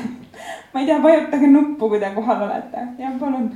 nüüd äh, tulles tagasi küsimuse juurde, kaitsealaste liikide lahtimine, mina tahaks näha Keskkonnaameti kes andis jahiload põhjendusi. Need põhjendused olid väga ratsionaalsed, ma ei tea lihtsalt. Seetõttu ma ei hakka kommenteerima neid asju, küll ma tean, jahis on selgelt vastuolulised teemad. üks vastuoluline teema on see, kui me räägime, et jahilooma surmamine peaks olema võimalikult kiire ja valutu, see eeldab täpseid relvi ja vintraud, eks ole.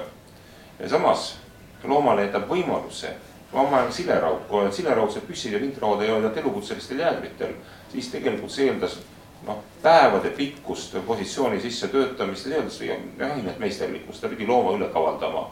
kuna jahi, silleraudne relv ei lase nii kaugele, kus loomameeled ei taba ära võõra ligiolekut. vintraudse, oled eriti veel, kui sa oled alla tuult, siis ta ei, ta, tal ei ole võimalikki mitte ära tabada, eks ole. nüüd teine jahis on teised noh, vastuolulised teemad. näiteks metsakasvatajad tahaksid väga näha, et põtrade, eelkõige põdralehmade arvukus oleks väiksem kuna muidu on suur osa nende tööst täiesti mõttetu. Äh, võtame nüüd metssiga, hea küll, seakatk tegi sellele korrektiivi, aga mina ei saa pidada metssiga Eestis metsloomaks, ta on minu meelest vaba, vabapidamisel siga, kuna see mets ei oleks kunagi ära toitnud. Äh, seda noh, populatsiooni, vaid ta oli lisasööda peal. nii et äh, jahis on neid vastuolulisi teemasid. Mhm. aitäh. Ja just vot see oli väga hea näide praegu, miks ma selle küsimuse küsisin sellepärast et ähm, tihtipeale öeldaksegi, et aga kui antakse luba, siis järelikult tohib.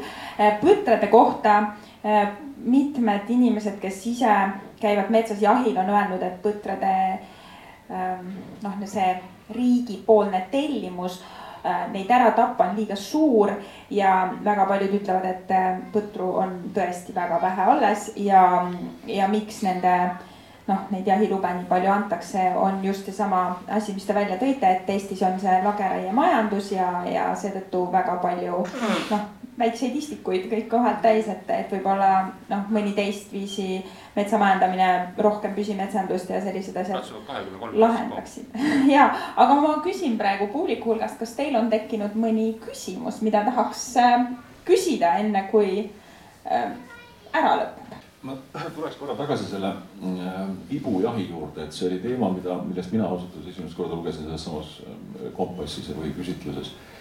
Ja uurisin siis nüüd äh, erinevaid materjale ja üritasin aru saada, et milles see probleem on, et noh, tegelikult ju jahitakse nagunii ja loom selle tulemusena saab surma, et äh, nüüd vahe sellest, kas ta nüüd sureb kuuli läbi või, või noole läbi. ma ei, ma ei saa sellest vahest nagu aru, et äh, see vibujaht iseenesest Eestis on ju väga karmilt reguleeritud, eks ole, et sa pead nagu iga kahe aasta tagant käima eksamil. Kui sa nüüd jahile lähed, on sinu noole peal sinu mingi loanumber, su vibu peal on su number. Ehk et kui sa selle noole lendu lased, siis see, et nüüd mõni loom jalutab sellega koos minema, noh, see on üsna vähetõenäoline, et see on selle jahimehe enda nagu maine ja, ja ta saab reaalselt trahvi sellest, kui see kuskilt leitakse, eks ole.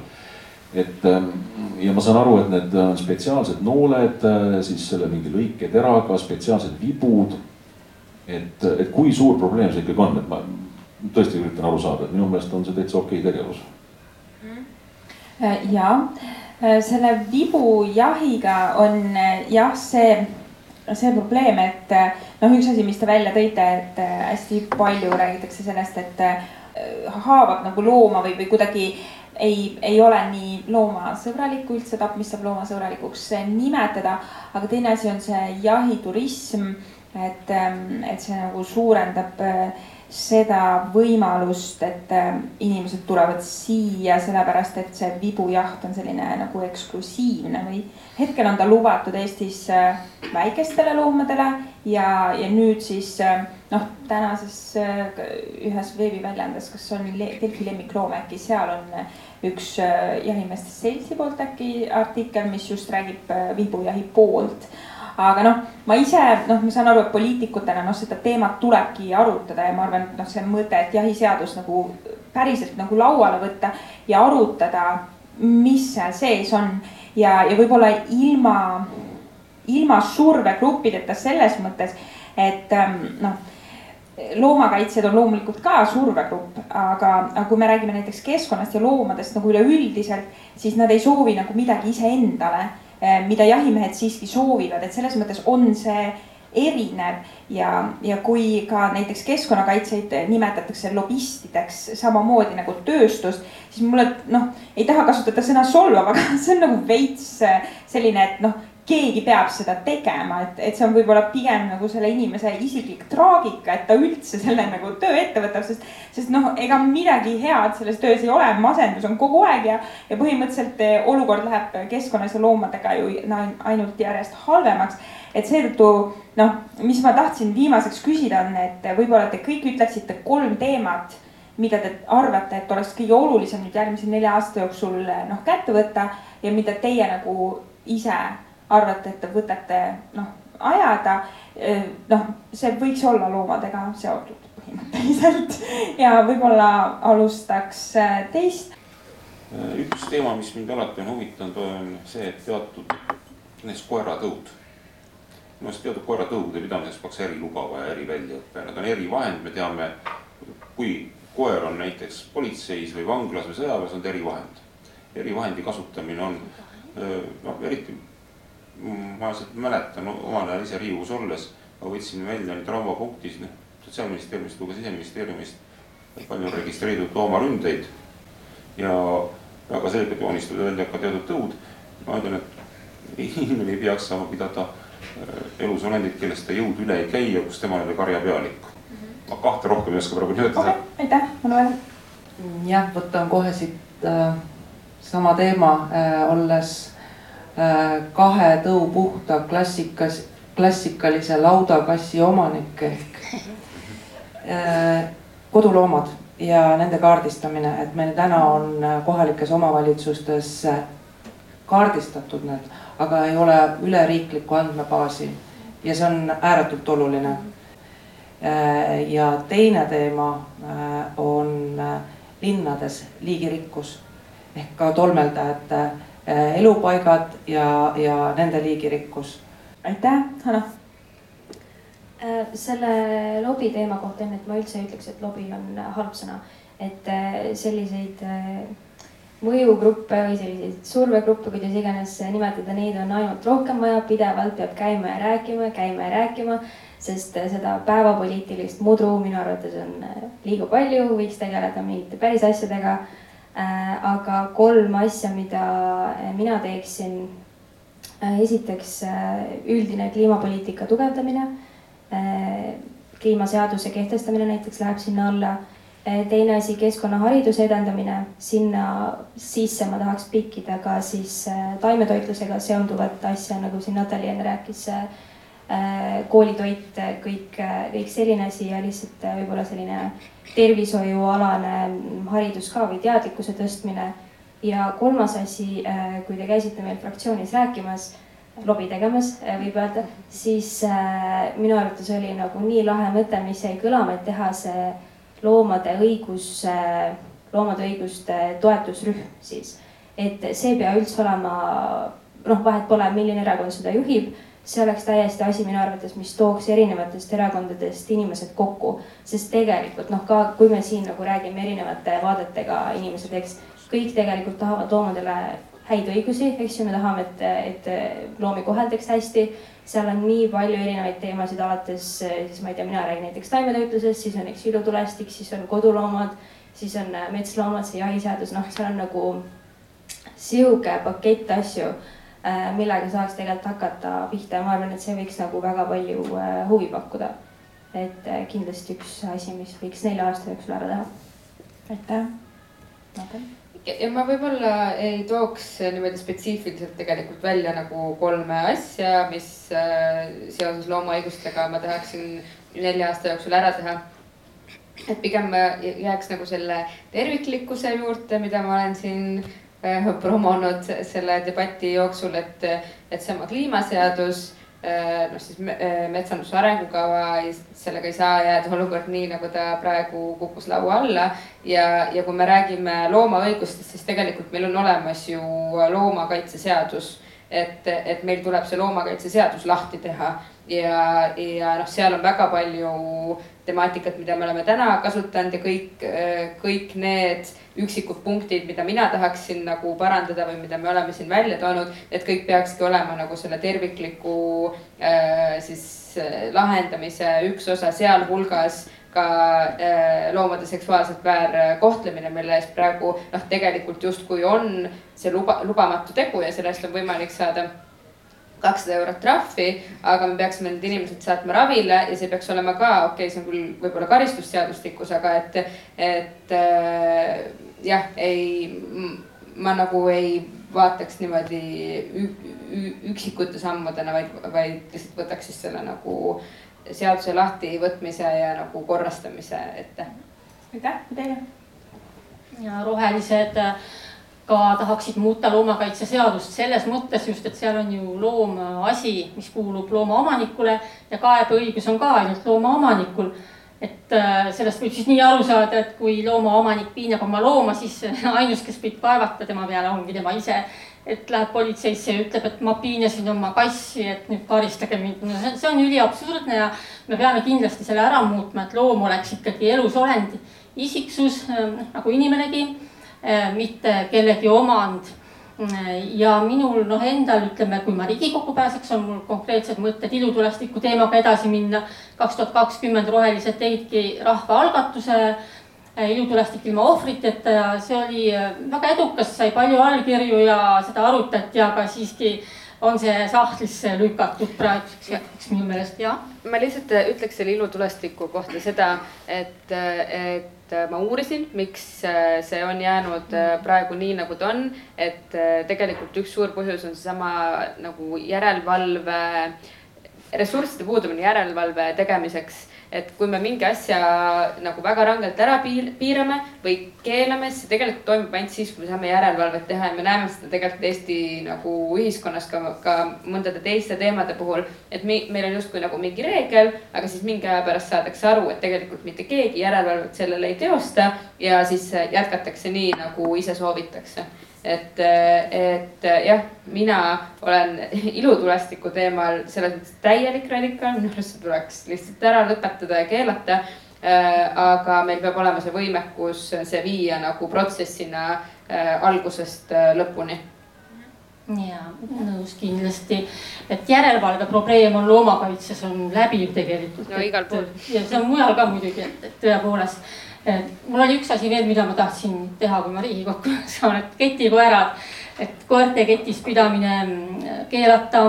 Sellepärast, et äh, viimasel ajal eriti on sagenenud teated, kuidas mm, vana koer juba seal ketis on eluaeg elanud ja juba mädaneb ja, ja sada haigust ja ta ei ole mitte kunagi saanud ketist lahti ja kett on talle nagu soolinud ümber kaela ja verine kõik ja, ja surebki sinna ära ja üks järelevalveametnik olevat läinud vaatama kutse peale, siis kaebuse peale ühte ketikoera ja see koer oli selleks hetkeks juba surnud, kui ta vaatama jõudis, et. et igasugused sellised lood ja seal on ka järelevalve teema muidugi, et kuidas, et kui me keelame ära koerte ketis pidamise, siis me peame korraldama ka järelevalve kindlasti, et see on ka üks teema, millega siis tegeleda. aitäh, Indrek ja aitäh, loomade nii-öelda inimõigused on loomulikult äh, teema. Need on loomade õigused. ja, ja no noh, ma lihtsalt nimetan, et, äh, et äh, seesama ketikoera teema, noh, minu jaoks on see täiesti mõeldamatu, et ma koera ketti, ketis hoiaksin.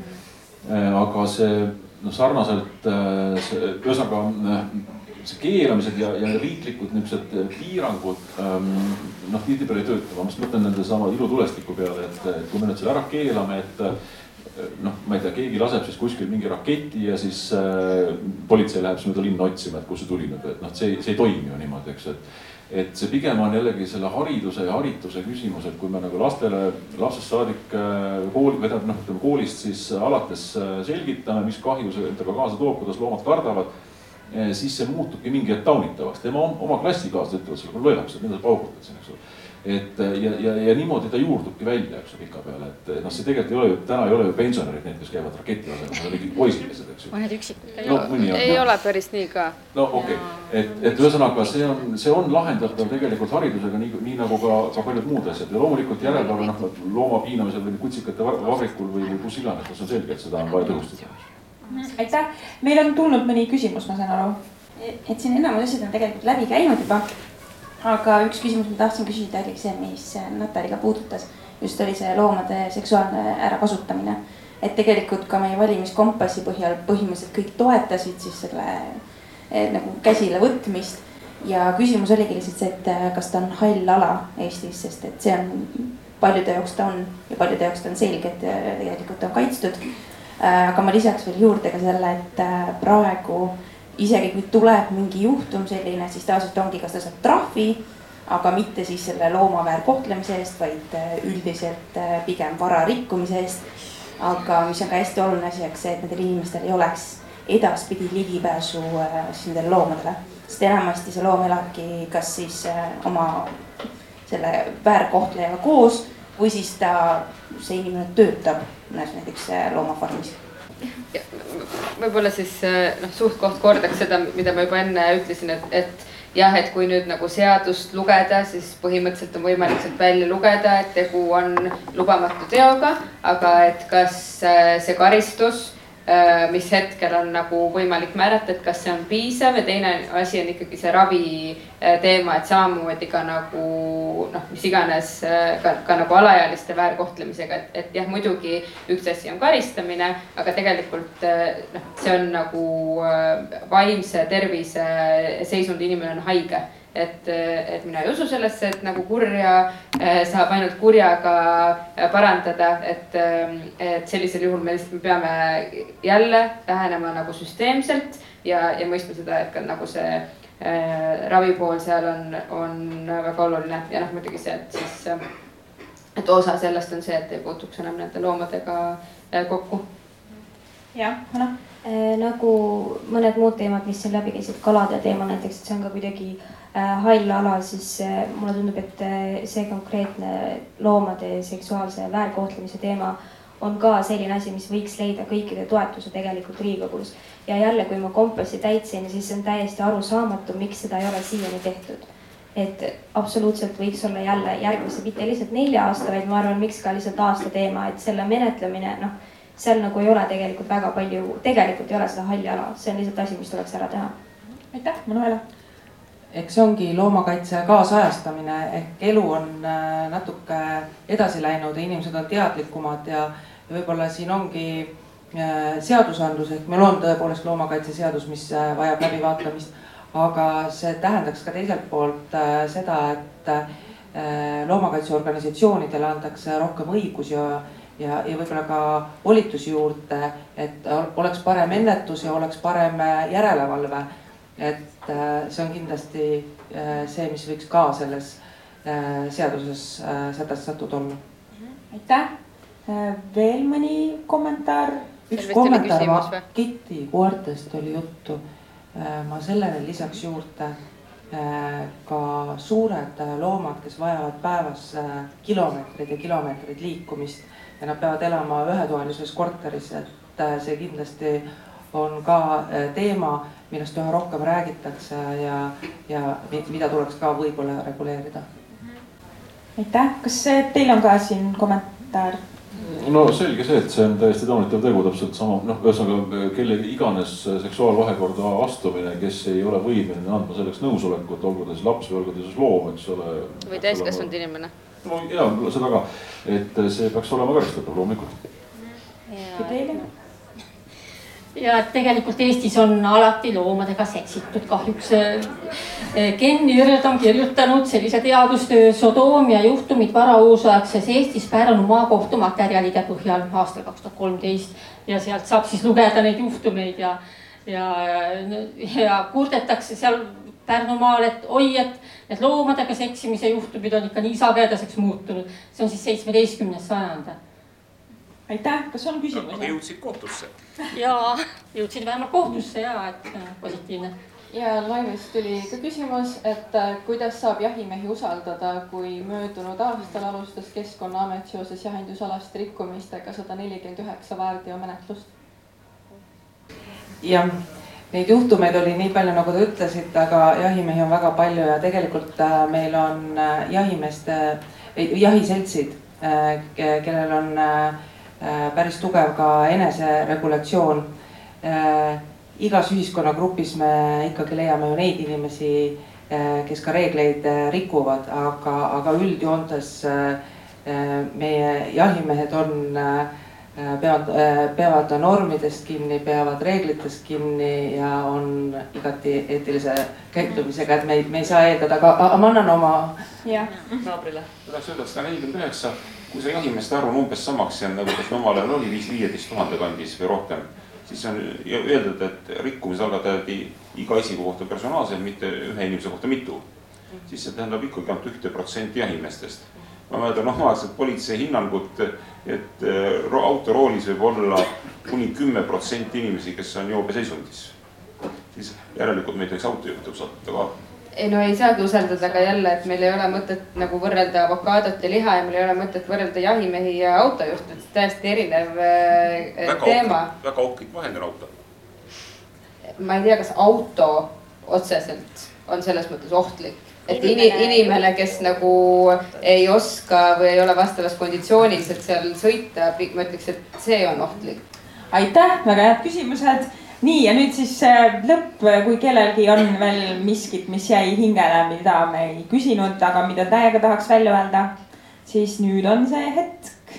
täiesti vaba mikrofon korraks mul ei ole selles mõttes äh, võib-olla uut teemat lauale tuua, aga lihtsalt äh, nagu siinolijatele ja otsevaatajatele ja, ja järelvaatajatele.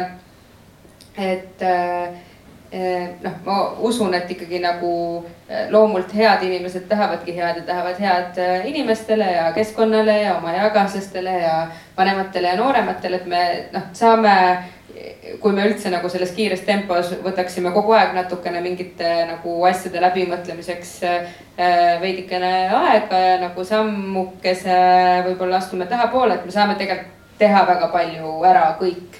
et me saame jätta selle ühe lihakorra vahele, me saame teha oma, ma ei tea, riiete äh, kodu äh, sisustuselementide osas loodussõbralikuma otsuse, olgu see see, olgu selleks see, et me ei kanna või ei osta Äh, ma ei tea, loomseid äh, materjale või et me pigem käime ta, äh, taaskasutuskeskustes. et, et selliste nagu väikeste sammude tegemine on lihtne ja ma arvan, et tegelikult kõik inimesed on võimelised nagu seda tegema ja, ja äkki isegi tahavad seda teha.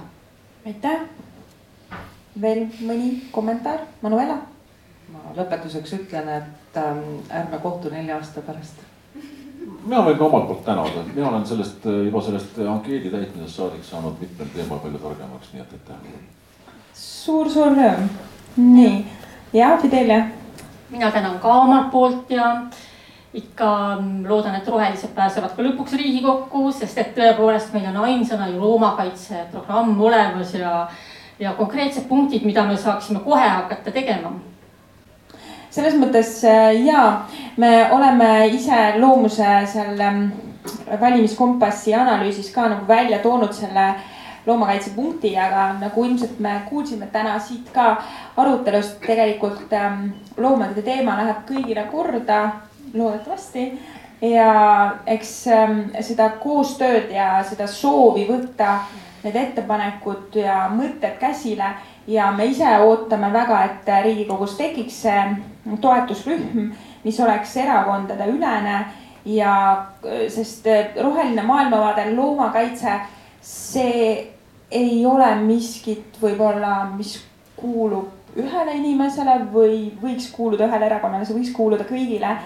ja selle üle oleks ainult suur rõõm. mina tänan teid kõiki, et te tulite, oli väga huvitav loodame, et siis nüüd need järgmised aastad ähm, saab nii palju koostööd teha, et äh, järgmistel valimistel on äh, loomade peatükid igal pool sees. aitäh, aitäh, aitäh.!